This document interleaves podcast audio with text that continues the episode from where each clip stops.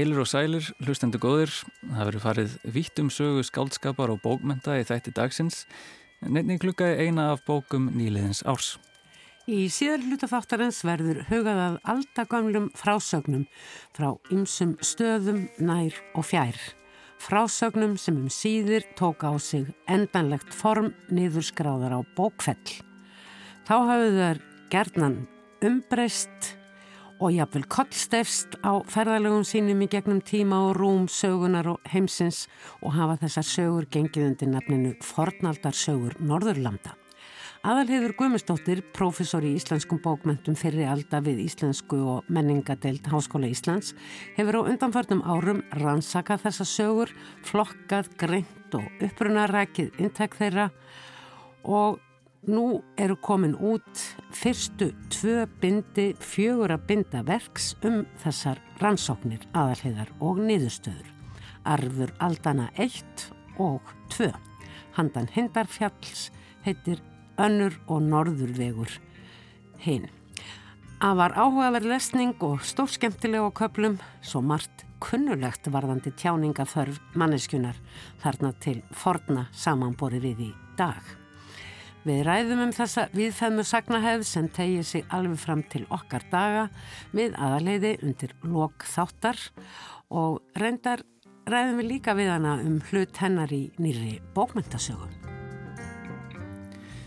Við heyrum einnig í ástísi Ingólstóttur sem gaf í haust út sína fyrstu skáldsögu sem nefnist Haustið 82 og fjallar um umbróta tíma í lífi aðalpersonunar Margreðar Höskuldsdóttur sem er nýflutta heimann með vinkonum sínum. Hún er spennt að hefja nýtt og sjálfstætt líf en færi fangið veikindi foreldris, áfall vinkonu og óléttu sýstur sinnar. Ábyrðarhlutverkið verður þrúandi en þrátt fyrir það leifir Margret sér smá kvatvísi og leggur af staði ævintýralega för til Ameríku að hitta vinkonu sína. Og það er þar sem við byrjum. Á kveikju bókarinnar höstið 82 Ástís Ingólstóttir tekur nú við.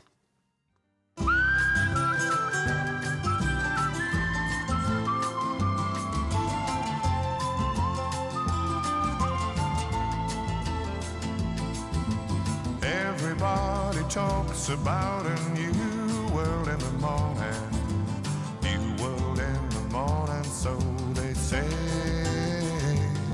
Ég var þessi stúlka sem hataði að ganga heim í morgunguli með óbustaðu tennur og andremmu eftir að hafa skilið ókunnugan mann eftir sofandi. Ég var þessi stúlka sem vildi sofa heima hjá sér og busta tennur áður en hún hljóp létt stíg niður á vestugötu til að ná í strætisvagn. Ég var þessi stúlka sem elskaði að stika götuna með þungar efnafræðibækur í tösku snemma morguns, brosandi, með hárið flaksandi. Ekki þessi sem segir skrapp út að sprengja hljóðmúrin í æfingaskinni.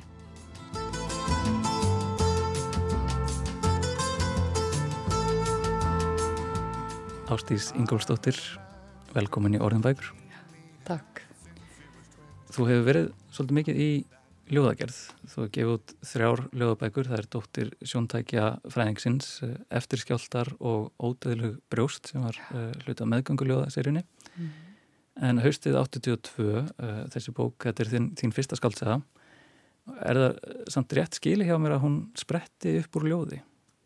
Já, hún eiginlega var til svona upp úr þessu ljóði að og hún var, var þeirlega svona til upp frá því að ég áttaði mig á að já ég var einu sinni þessi stelpa sem að eh, hljóp létt stík og náði í strætisvagna og, hún, stelpan ég sem að var þarna var í heimi sem er ekki til lengur. Og ég svona fer að skrifa þetta já upp úr þessu ljóði. Bara það það hérna að því ljóðin mín eru kannski svolítið mikið persónuleg og byggja og á persónulegri reynslu þannig að þá greip ég þetta og hugsaði mér að ég ætti kannski að búa til personu úr þessari stelpu og svo láta hana reyfa síðu þeim heimir sem að ég bjó í höstið 82 Einmitt. Og það verður Margret Höskuldsdóttir Magga, Magga. þessuna sögunar og svona ég, ég mitt viðkenni ég, ég fór að fá ég mitt svolítið á tilfinninguna að það væri kannski ég mitt svolítið byggt á sjálfsæfisögulegum veruleika eða kannski skáldæfisögulegum veruleika. Og, og Magga hún kannski byrjar svolítið svona léttstík í bókinni en svo svona skella svolítið raunir heimsins á henni og róðurinn þingist að eru þetta þá um, viðbyrjur sem að kannski eiga erindi inn í þitt líf á þessum árum? Já, sko, þetta byggir á atbyrðum, sko, það er öll umgjörðin náttúrulega er önnur og, og þetta er aðeins fært til í tíma en þetta eru atbyrðir sem að gerðust í mínu lífi, það er að segja það eru ekki allir en það er ég á unga aldri að þá var pappi minn til dæmis, hann var mjög veikur og ég fór til bandarækjara, hefðis ekki að vinkonu mína með, með stórvæðilegum afleggingum og svo var eh, sem sé eina mínu bestu vinkonum, hún varð fyrir miklu áfalli. Og maður er svona, eins og ég segi, þessi heimur er ekki til lengur og, og á þessum tíma þá var, þú veist, það var ég, engin áfalla hjálp, það var ekkert. En við vorum einhvern veginn bara það, í því að halda áfram það var bara lífið einhvern veginn gerðnist og það eruðu atbyrðir sem voru miserfiðir, vofilegir uh, jafnvel mjög sorglegir en það var líka mjög gaman og maður svona, já, í þessu það, það, öllu þá, þá held maður bara áfram mm. og var bara þú veist, einhvern veginn sáttur í mitt, svona þráttur er allt léttstígur mm. Veist, það er svo dásamlega að vera svona ungur og, og hafa haf ekki einhvern ugg í brjósti alltaf um að sem er svolítið núna í þessu ástandi sem við erum að lifi núna sem ég, mann hefði ekki getað dremt um að þetta kæmi fyrir að við gengjum allum með grímur og, og heldum einhverju fjalla stanslist við, þegar maður er ungur þá ámaður ekkert vona á þessu. Þá bara vonar maður alltaf þetta far allt vel. Þetta, og þetta er meira að minna skemmtilegt þó maður er engan pening. Það var líka mjög gegnu gangandi Já, og það eru þannig að uh, Magga og vingunir hennar Edda og Heiða sem að búa þarna í, í íbúði í Reykjavík og Eh, það eru hörsku döglegar manneskjur og það er mikið lífskleiði sem kemur í gegn á þessum blaðsíðum uh, þó svo að einmitt að, að móti blási að það er hann að einmitt pappi hannar möggu veikist og heiða er, já, först út á landi eftir að hafa eigna spann og það er svona svolítið kannski þrúandi heimir þar og, og síðan er Edda að vinna vaktavinnu sem að svona kannski er erfitt svona með símanringjandi og, og, og brjála líf En, en samt náður að finna tíma til þess að skemta sér og, og hafa gaman og þetta er einhver tíðarandi sem er mjög þægilegt að vera í að, að einhver leiti mm. þó sem að sé að fara inn í uh, þessa erfileika og, og þess, þetta ferðalag sem er síðan farið í bókinni til bandaríkja, það kemur á svo ófyrirsjónlegum uh, punkti þetta er ekki svona típisk saga, það, það er svona fyrir aðeins út fyrir og, og, og hérna, mm. mjög vel hefnað fannst mér Takk fyrir það. En, uh, en, en ég fann samt að ég var svolítið, svolítið íslendingur með en ég var að lesa þetta og svona sá þannig að tíkalla símanna og bankavíkslana og svona og stollenbröðið og eitthvað svona sem er svolítið fyrir manns einn tíð. En það var ein, eitt menningafyrirbæri sem komir á óvart í þessari bóku, það voru sambandsbómsur mætti ég spyrja eitthvað þér? Já, sambandsbómsur, sko. Það var náttúrulega köfjulegin, voru köfjulegin, þau voru um allt land og voru náttúrulega bara það voru stórar vestlanir, ég minna á Snorraburautinni var Krón sem var stórveslun og svo var sambandið, það var bara stórvirki og, og helt úti sem sé enda svona vestlunum þar sem var allt hægt að kaupa. Og þetta voru svona gæðavarningur en var ekki alveg kannski smörtustu græðina sko. En svona loðfóðraðar kulda stígverð sem náðu hátt upp á kálvan svona bomsu dæmi mjög hagkvæmur fótabúnaður mm -hmm. sem að náttúrulega svona, svona léttstígar dömur þeim fannst þetta ekki, ekki beinlinis flott sko en mjög hagkvæmt og það ég leti í gulda og slappi. Þannig að sambandsbómsunar sko þær voru mjög eftirminnilegar og eru náttúrulega þær bara er ekki til enn. En þetta var, þetta var úr leðri, þetta var nær ódrepandi fótabúnaður sko skofatnaður sem að já, ég finnst að ekki geta að hafa einu svona verið dýrt sko, þetta var en það er náttúrulega svona ungu fólki dætt kannski endilega að þetta var frekar svona kallar sem að fóri í þetta. En það var þarna ungu maður sem að er í bókinni sem að stýgur mjög á svið í þessari bók. Mm -hmm. og uh, já, það, það tekið mjög sérstaklega eftir þessum sambandsbánsum og, og þykir kannski ekki, ekki sérstaklega töf en, en, en bókin er í, í svona stýttirkantinum þetta er, myndum kalla þetta novelu mm. en, en skaldsögu hugtæki nær nú alveg utanum hann finnst mér. Og sem lesandi þá fann ég að sko, mér langaði að fylgja möggu lengra. Þannig að svona mér langaði líka velt uh, fá að spyrja þig um, eru, eru framhald á, á, á borðinu? Já, sko það er allavega hugmyndin er alveg til. Þannig að eiginlega að því að hún heitir hösti 82 þá er til svona það er til við valdi serja í höfðina á mér um möggu og, og þennan heim sko og fylgja honum eftir inn í þá tíðaranda sko eins og kalla stundu sko það er 8 og 9 og 10 sko mm. og nota þá sem sé það, það sem að lífið hefur upp á bjóða þegar að, að eftir því sem við eldumst sko eins og til dæmis það að fara að búa, eiga börn að því að makka er þarna að háskóla stelpa sko og hvað tekur svo við eins og einhver saði eitthvað til maður við förum öll eitthvað að vinna og svo gerist eitthvað og hvernig þeim reyðir af þessum, þessum stúlkum sko sem að þarna eru náttúrulega svolítið í Olgursjó og það eru þarna eins og ég segi stó, stóra áföll sem að það er komast svo í gegnum þannig að ég á þetta og ég kalli þetta Vívaldi sérina því að, að sko það væri kannski hægt að húsa sér að það væri svo voru 92 sko er til mhm. dæmis íhuga mér.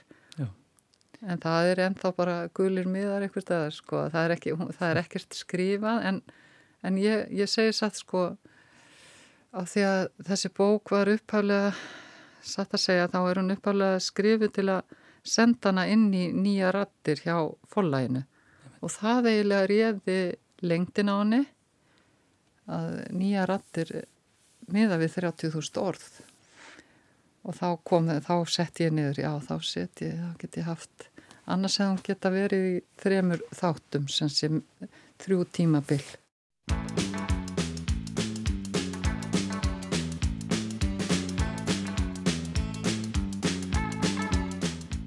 Ég geng upp á aðra hæði í bankanum og sest í bólstraðan stól fyrir utan dyrnar hjá bankastjóranum. Það logar aukt ljós á litlu bóksi við dyrnar. Augljóst merki þess að ég er að býða. Eftir stuttastund kemur út hressilegu maður af léttasta skeiði sem lokar á eftir sér og valhoppa niður stigan eins og unglamp. Ég stari á rauðaljósið, nú hlýtur það að slokna þegar kemur að mér. Jú, það sloknar og ég stekka fætur. Þegar ég kem að hurðinni sé ég að ljósin eru þrjú og við hvert er að standa fyrirmæli. Neðst er bjalla, þar stendur ringið bjöllunni. Ég geri það umsögalust og rétt þegar ég sleppi takkanum kviknar gulaljósið með fyrirmælunum býðið. Ég er varðla sest aftur í bólstraðan stólinn þegar hurðin er svift upp og fyrir innan stendur grannvaksinu snirtilegu maður með brós á vör. Ólíkt yngsum öðrum hefur þessi bankastjóri orð á sér fyrir að vera þægilegur í viðskiptum svo ég er alveg róleg þegar ég fer yfir það með honum að ég, fátakun ásmaðurinn, hyggist taka víksil til að kaupa gjaldiri fyrir vegna þess að ég ætla að eigða jólunum í bandaríkjunum með vinkonu minni. Ég muni greiða víksilinn með námsláni sem berist í janúar. Um leiðu ég segjunum frá þessu átt að ég mig á að ég hef alveg farið fram úr mér. Hvað er ég fell svo á prófunum og ekkert námslán verði veitt? Ég horfi á myndarlega mannin fyrir fram að mig og finn hvernig dregur af mér.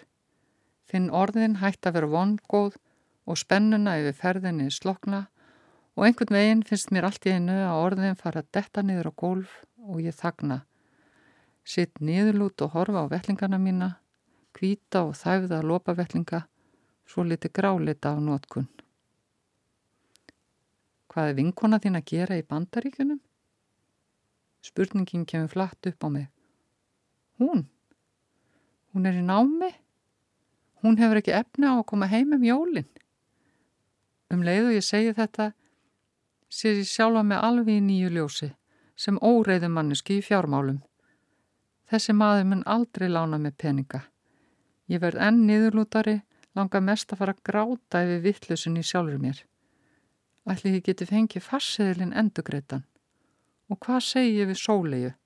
Hún verður öruglega leið ef ég hætti við. Kanski les bankastjórin hugsanir því hann lítur á mig og segir Það er fallegt af þér alltaf heimsækjana. Hvað með þig? Hvað með mig? Ég líti á hann. Nei, ég hef auðvitað ekki ráða þessu heldur en mér langaði svo að fara í burtu frá öllu. Orðin koma á þess að ég hefi hugsaði. Af hverju? Mér finnst svipurinn alltaf því blíðlegur þar sem bankastjónin situr hinu með en við stórt pólera skrippborðið og áður en varir er ég búin að segja honum frá öllu því sem gengið hefur á þetta höst. Pappa og heiðu, barninu sem dó, mömmu og sýstu sem er komin ólétt og tekin yfir og hann er staðin upp að ná í viksu leðublað.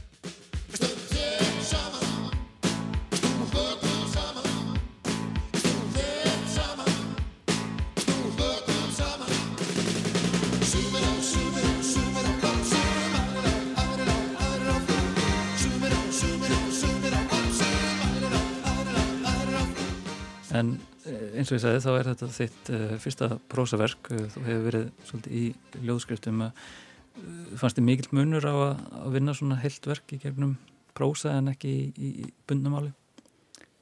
Já, mér fannst það sko. Ég, það var náttúrulega í fyrsta lagi þá, þá var þessi bók svolítið ég ákvaða kláran til að koma staði hvort ég kæmist í gegnum þann, þetta var svolítið skapl sko. Mm. af því að með ljóðina þau koma svona í þau náttúrulega koma stundum óbóðin en svo þarf við alltaf að lesa þau þau þarf alltaf að vinna þau. En þau eru svona svona minni einingar sem er og maður er svona í meiri fínvinnu sko. Maður er, maður er einhvern veginn með þau eins og þau séu bara litlir fuggsungar sem að maður er að halda á og, og svo vex þeim, hérna, vaksa þeim vangir og, og þau verða tilbúin eitt af öðru. En þarna þarf þetta að gera annað sko. Ég var svolítið svona í yfirlestrarferlinu og ég fekk náttúrulega rítstýringu hjá Bleikfélaginu sem var mjög gott sko. Og það er heilmikið lærdómur og líka einmitt eins og bara slátra heilum köplum og, og þannig að þetta er svolítið öðruvísi vinna sko ég er ekki frá því að sko ég sé pínliti hörundsárar líka með ljóðin sko. Ég svona, en ég er jafnvel að hugsa þar alltaf bara um eitt orði eða beiging á einu orði eða einhver svona ofsalega miklar e, smámunni og eða, eða línuskiptingu veist, og svo er ég að láta sömu línuna upp og niður sko, þetta var meiri skapl sko, en svo var líka þetta með að, að henda svona út.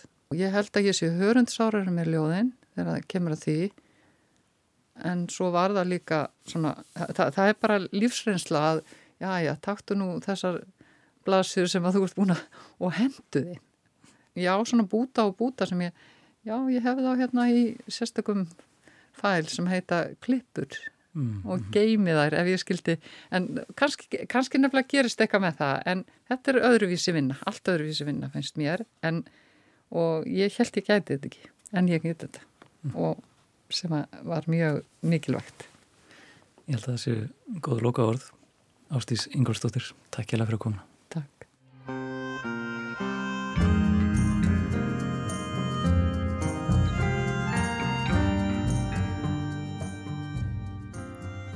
Fyrir skömmu var artikli mín vakin á tveimur bókum sem komu út á síðasta ári. Bækur þessar voru áþekkar í útliti, frekar stóru broti með glæsilegum, svolítið fordlegum myndum framan á sem síndu glæsta reyðmenn með vangjum prita hjálma og fljúandi stökki að ætla mætti skýjum ofar. á annari bókinni og henni var mynd af restri stúlku einnig á hestbakki og með vangjum prítan hjálm og horfir hún örvendingar full á eftir reyðmanna og hesti sem augljóslega vil snúa við. Reyðkonan er kvítan, karlin svartur. Áhugaverðar myndir sem ósjálfrátt leitu huganar ævintýrum og fantasíum og virtust titlar bókana tvekja, arfur aldana 1 og arfur aldana 2 en undir titlarnir eru handan hindarfjalls og norðvegur líka passa svo vel við þessa hugmynd um æfintýru og fantasíur. En ég var á villigötum bæði með þessa áleiktun mína og varðandi myndirnar sem reyndust báðar tengjast hinn við fræga niblungaljóði og kvítklæta konan allsengin kona heldur Gunnar, bróðir Guðrunar Gjúkadóttur sem horfir á eftir Sigurði Fápnisbanna reyna að forðast rævareldin. Hvað innihald bókana varðar er það svo kvorki æfintýrinni hetusögur að finna í eiginlegum skilningi heldur niðurstöðu nýra rannsókna aðalheðar Guðmundsdóttur, professor í fornum íslenskum bókmentum við Háskóla Íslands á uppbruna slíkra bókmenta. Ferðalögum þeirra gegnum tíðina frá manni til manns, millið þjóða, þjóðflokka og tungumála, frá munmæla sögum til rítara sagna, sem jú alla jafna ganga undir nafninu Fornaldarsögur Norðurlanda.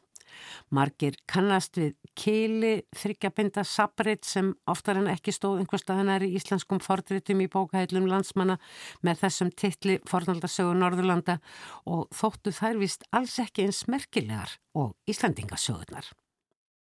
Velkomin aðalheður Guðmundsdóttir. Takk. Hvað er allt í einu svona merkilegt við fornaldarsögur Norðurlanda? Þær eru bara að fá heil fjögur bindi á nokkrum árum. Já, Guðmund góður, það er kannski ekki gott að segja. Eh, en jú, það er nefnilega ekki bara ég sem er að rannsaka fornaldarsögur. Heldur hafa þær fengið svona svolítið uppreist æru innan bókmynda arfsins okkar.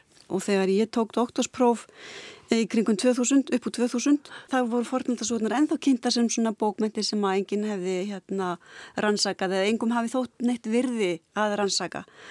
En svo hefur mikið gæst síðan þá og núna eru fornaldasúður yfirleitt bara eh, taldar til alvöru bókmynda En mér sýnist svona á því ég ætla ekki að segja að ég hafi lesið báðar þessar bækur Arfuraldana, Handan Hindarfjalls og Norðurveg frá upphafi til enda en ég er búin að klukka all mikið í og lesa yngang og eftirmála og, og slíkt að þá virðist mér nú nokkuð drúgt hafa verið rannsakað kannski á mismunandi forsendum og allt það og þú getur um mjög mikið af rannsóknum. Já, ég leita mjög viða í heimildir í, í mínum bókum og eins og þú sagir þá er þessar tvær bækur helmingurinn af minni rannsókn því að tvö bindir eftir og þannig er ég að fjalla um sko elsta hlutan í rauninni mm. sagnarfin áður en hann kemur til Íslands eða áður en hann berst hingað og það er í sjálf og sér ekki mjög mikið af, af svona íslenskum rannsóknum eða rannsóknum þeirra sem eru í svona uh, íslenskum fortbókmyndum í dag heldur þurfti að leita mjög mikið í þýska rannsóknir mm. uh, í þessum eh, bindun, sérstaklega fyrsta bindunu En síðan hérna er ég... Sem að fjallar jú um, sem sagt, sögurnar lönguafræðar komu hingað. En útbreyslu þeirra og uh, þróun og umbreytingar í einum germanska heimi.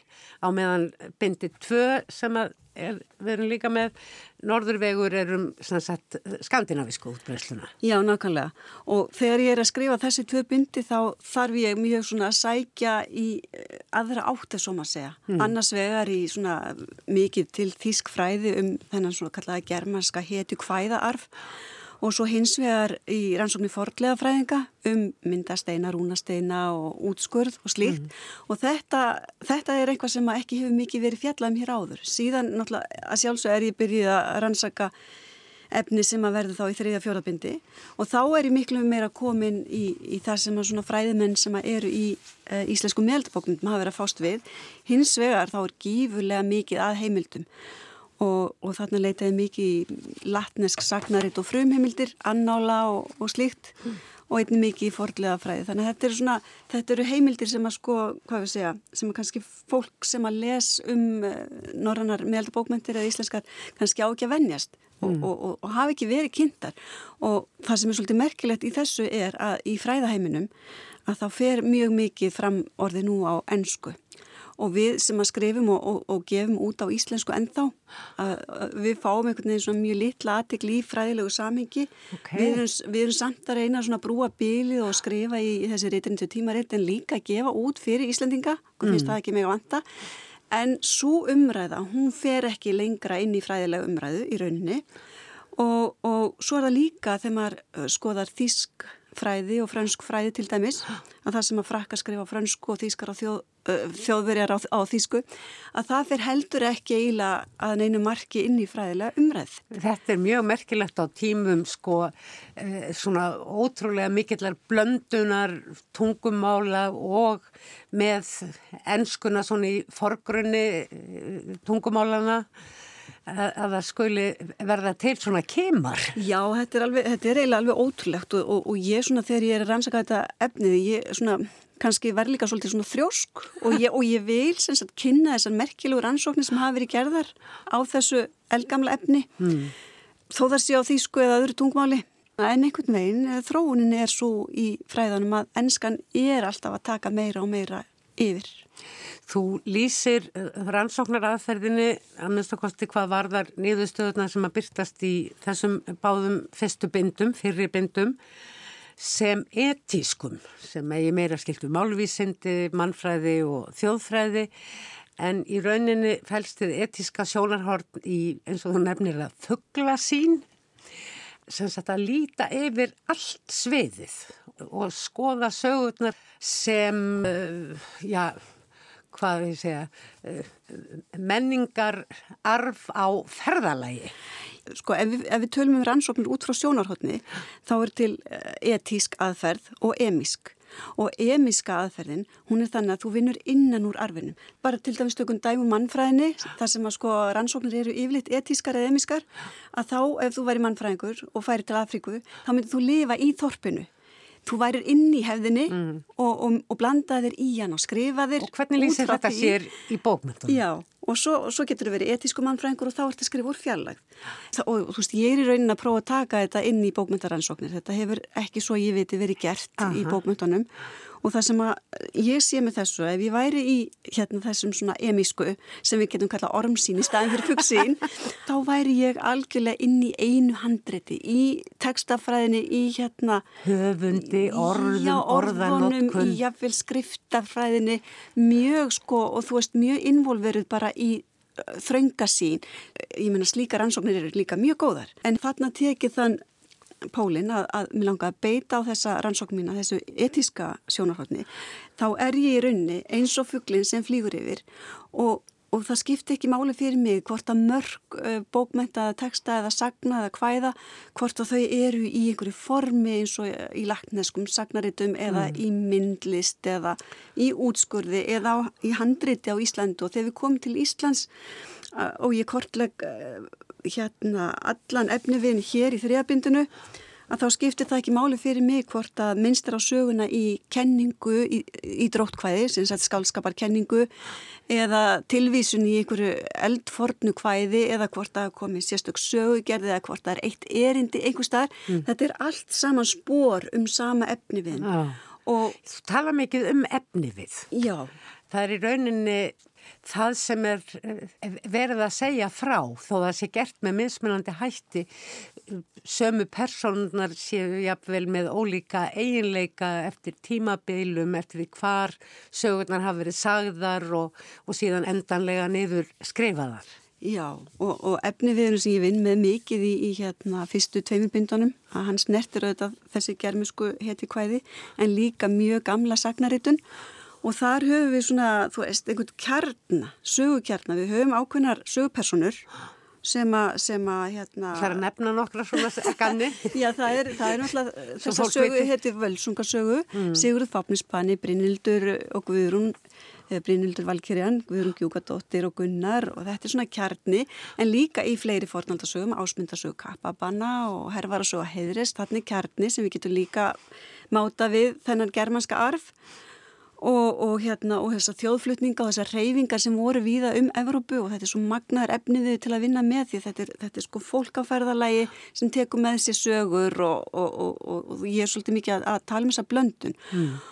Svo höfum við, jú, völsungarsögu hér á Íslandi uh, í handriti frá 14. öld en, en sagan var skrifuð samt á 13. öld, hún er ekki varðveitt í uppaflögu handriti, en þetta er sama efni og er svo í hetju hvaðum ettu mm og skýtur upp kollinum í alls konar kvæðum og, og, og þulum og öðru og, og það var svo merkilegt eins og þegar ég var að hlusta á þulur sem voru teknar upp á seguband bara á 20. stöld það var gömul kona sem fór með svona nafnaþölu og í, í nafnaþölun er kannski minnst á Gunnar og Högna eða Gunnar eða Ormagarður, aðalvarður, alls konar svona vísbendingar í í, í þessa gömlu sögu. Og, og, og þá finnst mér svo magna að þú veist að ég er að rannsaka eitthvað sko sem er skráð á kannski fjórðöld og það er ennþá verið að tala um það á 20. öld í hvaðskap og allan enn tíma er, er efnið að breytast, fólk er að vinna með hann og, og stundum það sem hann bara rétt nefndur, segjum bara í þölu, hmm. það þýðir ekki að nefna svona nema, nema þeir sem að hlusta á því viti nokkuð um hvað þetta tala. Já, Þannig að þetta er alls svona spór sem að benda til þess hvað sögurnar voru á hverjum tíma verið sig.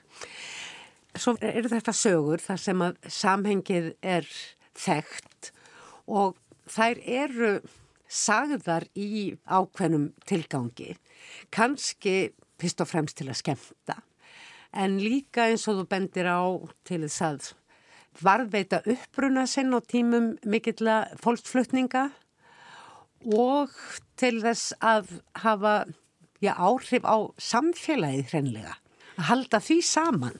Já, þegar við skoðum hvernig sögurna breytast í gegnum tíðina þá sjáum við að, sko, að við getum skoða þetta söguefni í, í tvenni lægi annars vegar sem bara svona fasta stærð sögu sem er sögð til aðþrengar, skemmtunar til þess að létta á sorgum annara eða, eða tilfinningum eða hva, hvað sem fólk er að ganga gegnum það getur alltaf samsama sig við söguhettur. Mm. En á hinbóin að þá er hver skráning alltaf sko vittnisspurður um samfélagið sem að súsaga sprettur úr mm. á hverjum tíma fyrir sig og þetta færðu með því að fara í þessa fullsín, ja. þessa etísku sín og, og, og, og þá spyrðu þig auðvitað, hva, þú veist, á hverju er sagan að sprett upp í þessu samiki hér og hvað er breyst, hvaða erindi hafði hún til sinna hlustenda og þessa tíma Og, og við getum séð til dæmis ef við förum svo langt að reykja líka breytingar á, á sama efni til dæmis í Þýskalandi. Eh, Niblungaljóði en Nibelungalít sem fjallar um sama kjarna er mjög ólíkt til dæmis eh, varfislu söguefninsins á Íslandi. Já. En þar sjáum við þegar, þegar við förum að greina efni vel niður að það eru komnar einn söguhetjur til hlýðar sem eru byggðar á í rauninni höfðingjum og fyrstum sem eru kannski ekki nema bara 100 ára gamlir. Já. Samtíminn kemur inn og, og, og þær söguheti voru þekktar í, í sínu samhengi og, og umhverfi og þá fara menn að bæta einhvers konar samtímalegri pólitík inn í hvæðið mm. sem að áherendunir þá geta samsamað sér við og hérna, þá, þá á hvæðið í sjálf og sér miklu meira erindi heldur en bara svona sem skemmtefni það er líka einhvers konar bóðskap, það er líka svona speil á samfélagið mm. eins og sögurnar eru alltaf og við megum heldur ekki gleyma því að allstað sem að sögur livðu voru skráðar og sagðar að þar höfðu þær eitthvað að segja, þar höfðu erindi mm. því að það var gífulega mikið sagnæfni í gangi og í umferð mm. og, og, og sögur sem áttu erindi á einhverjum stað, það er einhver ástað fyrir því, á hverju það er eiga erindi þar Já.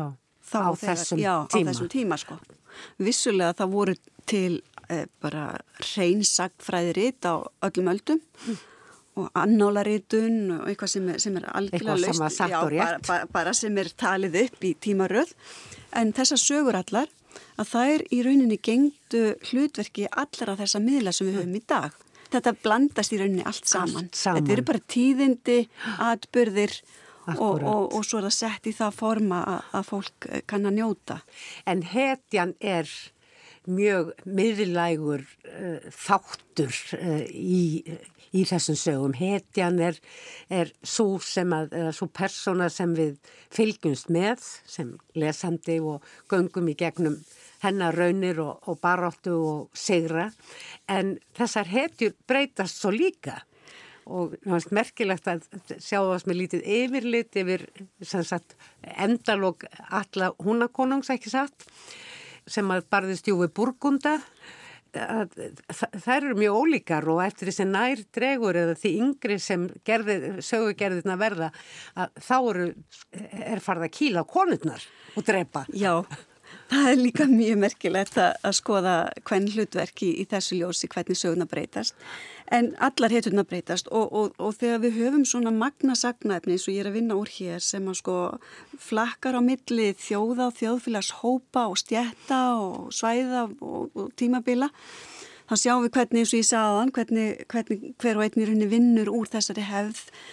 Eh, en við sjáum líka að það er ekki bara viðhorf eins sagnarítara sem að likur að baki heldur oft viðhorf þjóða eða, eða þjóðabróta eða flokks af fólki mm -hmm. eins og til dæmis bara í, í sambandi við alla húnakonunga því að, að þú nefndir hann og þá síndi ég svona bara svart og hvítu hvernig sko fyrstu varvettu uh, sagnir, hvernig það sína dauðan og hvernig dauði allar breyti svo í uppskriftum.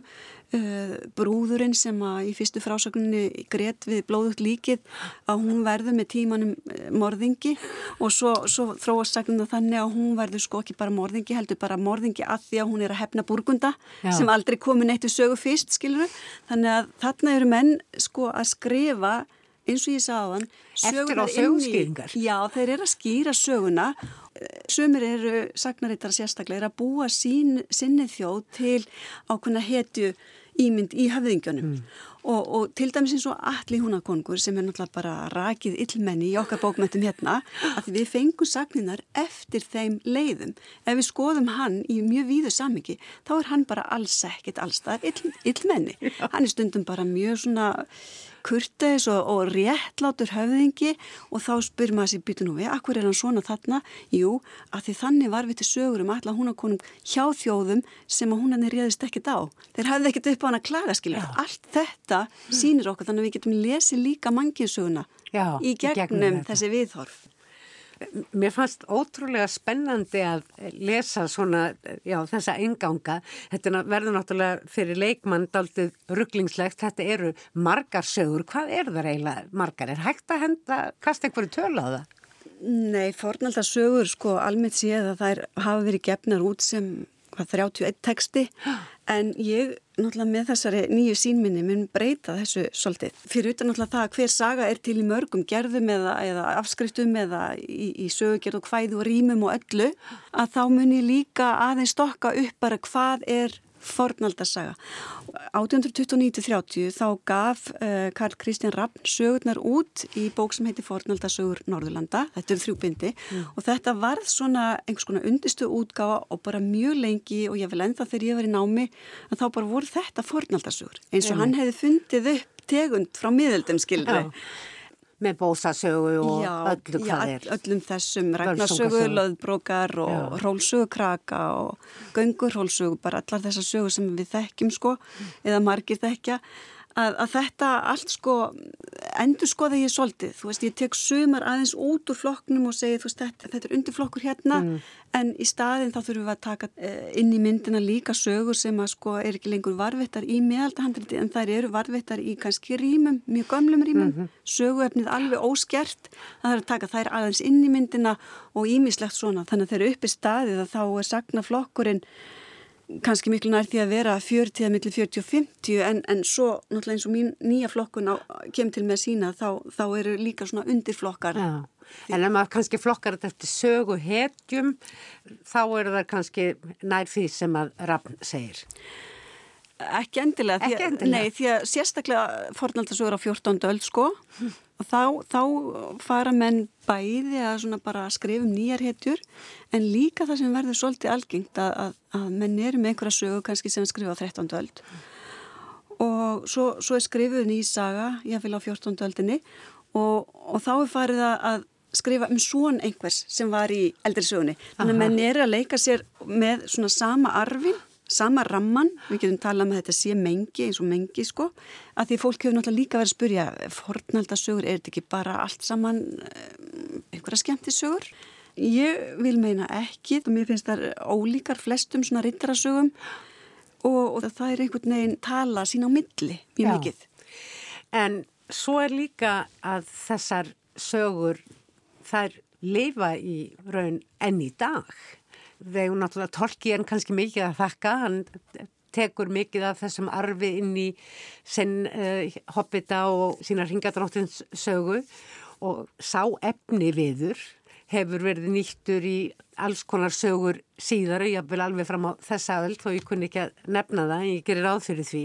Fyrir nú utan eins og þú nefndir áðan þegar við vorum að tala saman að við erum að fá talsvært mikið af kveikmyndum sem að fjalla um þessa tíma að einhverju leiti og, og þessar hetjur. Já, og það er svolítið merkilegt að fylgjast með þeirri svona, hvað ég var að segja, þeirri bylgu. Nú tólkinn sjálfur auðvitað sóti í íslenska meðaldabókmyndir mm. og, og, og sjálf hef ég oft séð sko spór hervarasögu hjá honum, mm. þó, þó sést kannski þekktast, hann hafi notað Sigurð og Guðrunu og Brynildi. En við sjáum að það eru þessar þáttaraðir um eh, vikingasögur sem að hafa til, ég veit ekki hversu breyður sá á, á horfendahópuri er. En Anna, það er allavega framleitt. Já, það er framleitt. Þá hlýtur að vera einhver áhuga á því. Já, og svo er það líka það að það sem ég til dæmis legg áherslu á þegar ég kenni mínum stúdendum upp í háskóla sem koma til mín í miðaldabókmentir. Og við, og við veltum því fyrir okkur hvað er við að gera, hvað ætlum við að fást við og, og ég legg alltaf áherslu á það að þau séu komin til mín til þess að læra ákveð menningalæsi. Að við höfum ekki eigðu í þekking okkar á mikilvægi menningarinnar sem kannski veldur því að við getum ekki tólkað nútíma menningu með sama mm. hætti mm. og ef við myndum þekka þessa menningu.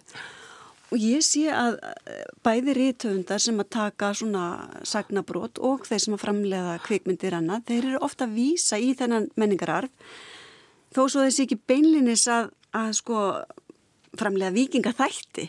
Ég hef stundum tekið sem dæmi kannski bara eh, Quentin Tarantino sem var með þessa kúrikamynd Django Unchained. Já. Það er par þarna, konan heiti Brúmhilda og, og ef maður er með smá menningalæsi þá fyrir maður að hugsa býtu hvað, hvað er að nota þetta nafn og hvað kemur þetta nafn þarna móti og svo kveikiru, þú veist þetta eru Síkfrít og Brúnhild, Já. ekki eins og við þekkjum þau á Íslandi heldur eins og þau eru hjá Vagner í hans endursköpun mm. og svo, svo horfum maður aftur á myndina og þú veist og maður hugsa sko þú veist það er alveg snildalegt hvernig hann fléttar Vagner inn í kúrikamyndina sinna Já.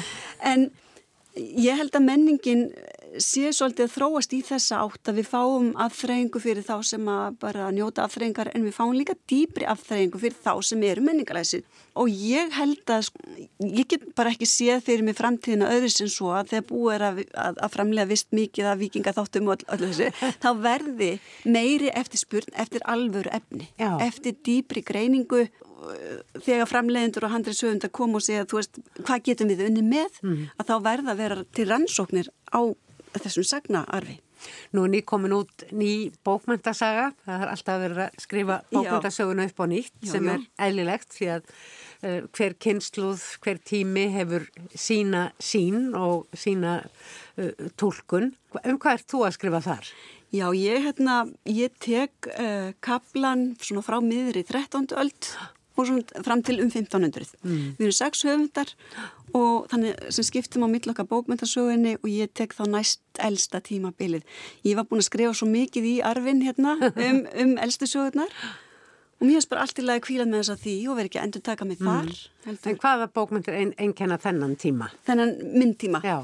Það, ég, sko, það er svolítið skemmtilegt að segja frá því hvernig við setjum bókmyndasögunni. Við höfum öll okkar tímabil og við höfum fimm í rauninni áður svona ókunnið óþægt eða hvað ég var að segja lítið þægt svona ártöl sem við vinnum út frá, reynum að búa til sviðsmynd. Það reynið að vera sniðu? Já, já, við erum að reyna að koma með eitthvað nýtt og við búum til sviðsmynd í kringum hérna ártalið og ræðum svo bókmyndi tímas út frá því að því þetta er svona bara tveggjabinda bókmynd að við vitum að við getum ekki talið allt upp þannig að við viljum frekar uh, hafa bókmynda svona, eins og hannaða síningu það sem við bara, þú veist, þetta er að gerast á þessum tíma, mm. þetta eru ströymarnir og stefnunar.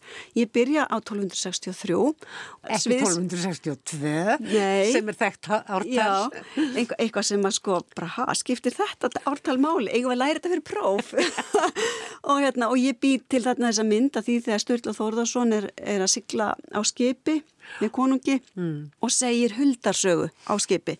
Og ég lýsi senunni og tala svo vitt og breytt um bókmyndirna svo færi ég mig bara yfir í næsta ártal og, og, og, og ég sviðsett þarna nokkur svona ártöl þar sem að munkum er, er, er kastað í, í hérna í raunni fangilsi eftir að hafa brotið af sér og ég ræði það aðeins og hvað er gerast þá og svo hvernig svartir döiði kemur og þetta er... Og hvaða bókmyndir þá væntanlega Já, verða til í verða til. því samengi og, og eða eru lesnar. Já, og mér fannst ótrúlega spennandi að fá fástu þetta tímabil alveg fram til 1500 því það er svo margir sem halda að það hafi ekkit gerst.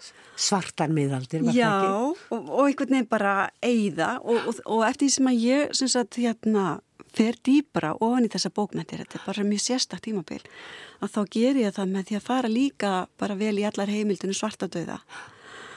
Það er reyndar ekki allt í bókmyndasugunni, ég syns, er nýbúin að skrifa greinum það sem byrtist eh, núna á árinu um svartadauða og bókmyndir og eftir því sem ég best get séð að þá verður ákveðin eigða, það verður ákveðin svona stöðnin í sagnaritinni upp úr 1400 Eh, það verða til áfram svona uh, skrifaða svona sögur, rittarasögur eða blendingssögur og svo hérna svona sent á, á 15. ölda eða svona síðar hluta það fer að glæðast aftur, við setjum þetta, ég setja þetta líka í samingi við bara hvað eru mörg handritvarðveitt og handritsbrot og hvernig skriftið þróast og annað. Það er ekki bara líka mikið leimt og volaði í Jú, tengslum við svartadauða og ekki al, sinna al, al, til þess að passa upp á þetta. Það verða mjög mikið til svona afreitt sögurur skrifaður upp, það verða til mikið að rýmum, þannig að það var einhver þörf fyrir aftrengu en það sem ég er að reyna að segja þarna með þessari greiningu minni er að við ættum alls ekki að tíma setja bókmæntir til fyrir hluta 15. aldar nema að það sé ákveðin rauk fyrir því og svo tek ég eina sögu og tímasettana á þetta tímbil af því að hún er e, í rauninni svo lísi söguhetti sem er að gangi gegnum pláur og svartadöða. Og hvaða saga er þetta? Hún heitir Álafleggsaga og það er, hún, hún fjallar um svona söguhetti sem bara veikist aftur og aftur og andlega og líkamlega Almáttur. og algjörlega, algjörlega tengir þá sögu við þetta tímabil. Mm.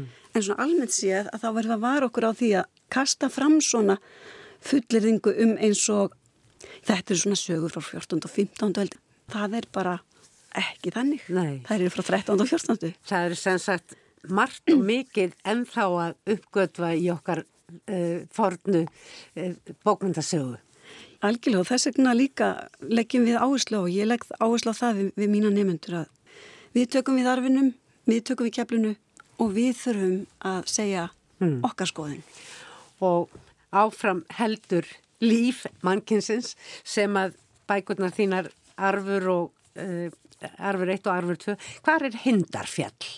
Það er fjalli sem að Sigurður Fáfnisbanni finnur Brynildi þegar hún er, sem sagt, þar er... Þetta átti ég auðvitað að vita. Já, já, dásanlega fallegt nafn og ég er ánað með, sko, handan hindarfjalls, hvernig það vísar í hvaða efni við erum að taka fyrir því að samkvæmt sögunum að þá er hindarfjall einhver staðar í, í námynda við Frakland. Svo kemur næsta bindi sem er norðvegur, þá færu við efni við, sko, sunnan frá og norður og svo verða, eh, ég nú reynda bara að koma vinnutitla fyrir bindi 3 og 4 en þá eru efnilend á Íslandi og svo hvernig það svona mm. þróast. En það sem ég vildi sagt hafa svona í lokin er það sem skýn í gegnum allt saman þessa umfjöldum þína og rannsóknir er hvað tjáninga þörfin er rík og stöðugt verið að leita nýra leiða bregðast við umhverfinu sem er að taka á móti viðkomandi bókmyndum hvort sem er í mæltumáli eða rittuðum. Já, það er eitt af því sem ég kem að þarna í lok annarsbyndis þegar ég er að, veist, að velta fyrir mér öllu sem ég er búin að rannsaka á öllum þráðunum og sporunum og þessum flókna efni við að þá reynir ég að draga álíktanir sem sagt að þessu öllu og mér finnst sko tungumálið er að vissulega tæki til þess að tjá okkur. Og ef við hefðum ekki tungumálið ég held að við værim þá bara ekki með fullu viti, við höfum bara svo mikla þörf, þörf fyrir að tjá, tjá okkur. Og við gerum það eftir þessum struktúr sem að liggur á bak við tungumálið og uppbyggingu setninga en líka struktúr sagna og það vil stundum gleymast að, að sagnir eða sögur, þær eru eins og tungumál svolítið í öðru veldi og með sögur getur við sagt svo miklu meira en bara með nokkrum svona setningum mm. en sögurnar þær lúta í rauninni algjörlega sama eða samskonar, sambærilegu lögumáli og Tungumál. Já, þannig að þegar málfræðingar er að fást í tungumálið að þá fást frásagnafræðingar við uppbyggingu sagna og þetta finnst mér heitlandi og hvernig sögurna svona hugsa í okkur og hvernig við hugsum alltaf í sama munstri og, og hérna þegar við fjöllum um formúlur til dæmis og formúlubókmæntir þá hef ég svona frekar tala fyrir því þegar ég er að kenna að við þurfum alltaf að, að greina sögurnar og, og hvaða minnstur er á bakviðar og hvernig, hvernig persónsköpun er og, og, og það er sumt sem gerir sögur að meiri listaverkum heldur en aðra sögur. Mm. En hins vegar, formúlubókmyndinar, að þær eru hérna svo nöðsynlegur. Það er bara þessi einfaldi struktúr sem er samælugur öllum mönnum og sagan, hún á sitt ris og hún endar svo jafnvæg í rauninni í því jafnvæg sem hún hófst í. Það þarf að lokunni þannig og þegar við erum búin að rýsa upp með söguhetinni í gegnum sagt, eh, í átt til ójafæðis og svo aftur í átt til jafæðis og þetta er allt sagt, komið gott og þá erum við sátt og við höfum losað við tilfinninga sagt, eh, spe, spennu, já, spennu. í gegnum söguhetinnar mm. með þessu. Þannig að þetta er bráðnöðislega sögur. Aðalhegur Guðmundsdóttir, takk að þið kellega fyrir og takk fyrir þessa bækur, það er spennandi að lesa þær. Takk fyrir það.